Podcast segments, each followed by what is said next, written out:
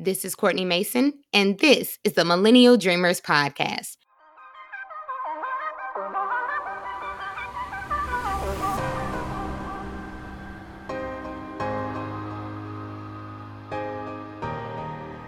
Is this thing on?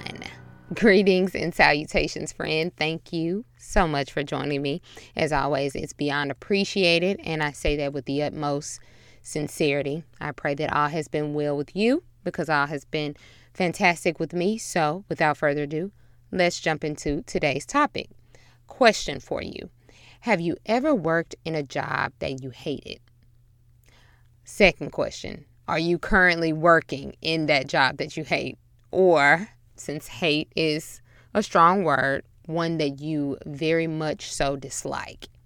Well, there may be a way to make that job more satisfying, and it has to do with bringing love into the workplace. Follow me.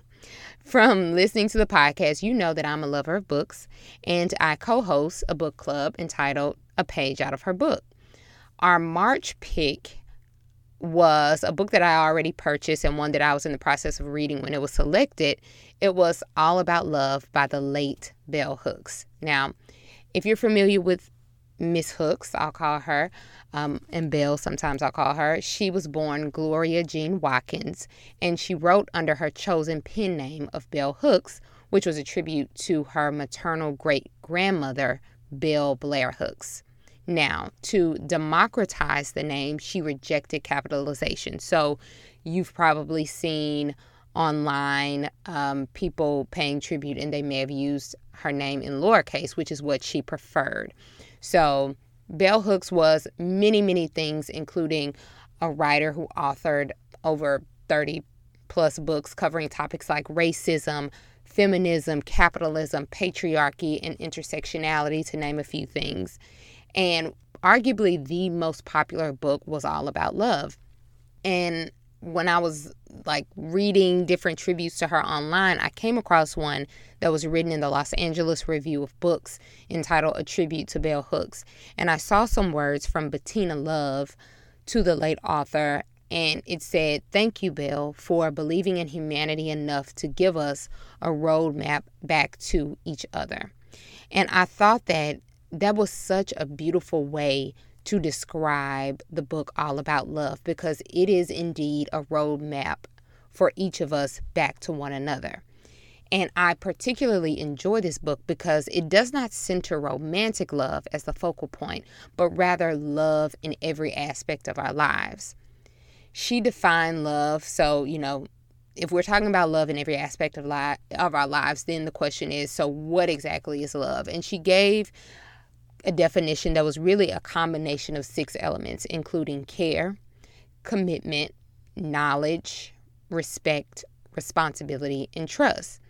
And in her words, and I've seen various recordings of her talking about this. In her words, she's saying if you're questioning whether or not you are exhibiting loving behavior in any given scenario, you should use these elements as a litmus test of sorts. So ask yourself through my actions, am I showing care, commitment, knowledge, respect, responsibility, and or trust? And I really appreciate that she makes clear that love is not a noun, like a feeling. You know, we think about falling in love and things of that nature, but she says love is a verb. It's what we do, it's the actions that we take. So, in the same vein as I mentioned that this book covers a multitude, well, it covers the love in a multitude of areas. One is our professional lives. And she talks about how self love can help us to live a more purposeful life in our work lives. So, there's a, t- a chapter entitled Commitment, Let Love Be in Me that addresses self love at length. And she says, self love is the foundation of our loving practice. Without it, our other efforts to love will fail. She goes on to write that most people don't grow up learning that the work that we choose to do will have a major impact on our capacity to be self loving. But work occupies much of our time. And when we do work that that we hate, it assaults our self-esteem and our self-confidence. Yet most people can't do work that we love.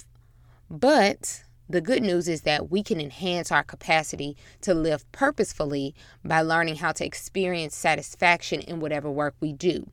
And we will find that satisfaction by giving any job our total commitment.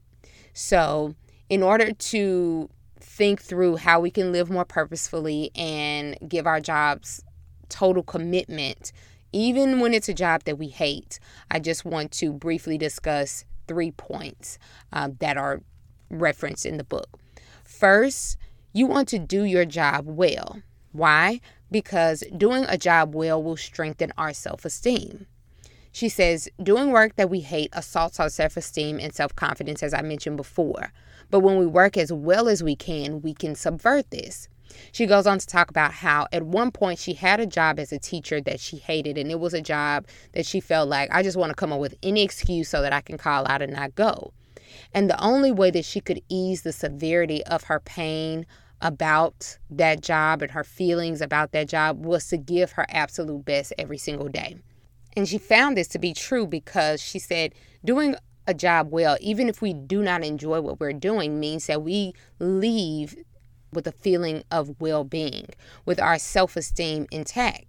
And that self esteem will aid us when we go in search of a job that we can that can be more fulfilling. So even if you want to leave your your current position and you're feeling like I really do not want to be here. I come here every day and I feel miserable. If you shift your perspective and think, I'm going to go in here and give this my very best, I'm going to work with integrity, I'm going to work with uh, vigor and give my all, then you leave daily feeling good about yourself, knowing that you came in and you tried, and no one can say that you're lazy or you, you know, you didn't show up. You're able to go home feeling good, even though you're like, I don't like the work that I'm doing. I might not like whatever aspect of the job, I get to go home every day knowing that I did my very best. And that will help us when, you know, if you're in a position where you're looking for something else or you want to eventually look for something else, in the meantime, you can deal with those feelings of, I don't want to be here. Secondly, she says, create a loving environment. Why? Because it makes any work meaningful. She writes, Throughout my life, I endeavor to not only do work I enjoy, but to work with individuals I respect, like, or love. And she talks about how when she first declared her desire to work in a loving environment to her friends, they acted as if she lost her mind because to them, love and work don't go together, they don't coexist. But she felt like she would work better in an environment where that it was shaped by an ethic of love and it follows this Buddhist concept of right livelihood, which is a livelihood that's guided by purpose and integrity. So, for her, she says, whether or not people call it by that name, many people intuitively strive toward a right livelihood and embrace the belief that work that enhances our spiritual well being will strengthen our capacity to love. And when we work with love, we create a loving working environment. So, whether or not only you know if you're in a specific environment where you're with around people that you really enjoy it really doesn't matter. It's all about what you are bringing to that environment. If it's shaped by an ethic of love and that can be how you are you know walking in and and communicating with people and showing up day after day so that's the second thing. And lastly, she says a job you hate can still support your inner life. She goes on to write that sometimes she's worked in jobs that are less enjoyable in order for it to be a means for her to do the work that she loves. And she gave an example about how she used to work as a cook in a club and she hated the noise and the smoke and all that that came with working in a club. But working nights left her free time to write in the day and do the work that she truly wanted to do. So each experience enhanced the value of the other. Her nighttime work would help her to relish that quiet time, the serenity of her day, and enjoy the and she was able to enjoy the alone time that was crucial to her writing. So, whenever possible, she says it, it's best to seek work that we love and avoid work that we hate. Unfortunately, however, everyone is not so lucky to do work that you absolutely enjoy. But with that said, when a job really assaults our well being, sometimes it's time to move on. She notes that often workers believe that if their home life is good, it doesn't matter if you feel de- dehumanized or exploited on the job and you know you're in a toxic environment and you're being belittled and undermined at every turn. That's not a job that will make you feel self loving.